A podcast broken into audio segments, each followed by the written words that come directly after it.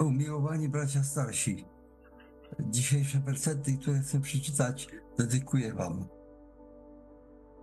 Dziękujemy Bogu zawsze za Was wszystkich, wspominając Was w modlitwach naszych nieustannie.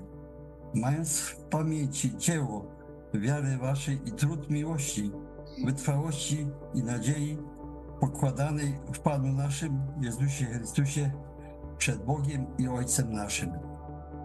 A przeto i my dziękujemy Bogu nieustannie, że przyjęliście Słowo Boże, które od nas usłyszeliście, nie jako słowo ludzkie, ale jako jest prawdziwie jako Słowo Boże, które też was wierzących skutecznie działa. Bo któż jest naszą nadzieją, albo radością, albo koroną chwały przed obliczem Pana naszego Jezusa Chrystusa, chwili Jego przyjścia, czy nie wy? Zaiste, wy jesteście chwałą naszą i radością. Albowiem jakże możemy dość dziękować Bogu za was, za całą radość, jakiej z powodu was doznajemy przed Bogiem naszym.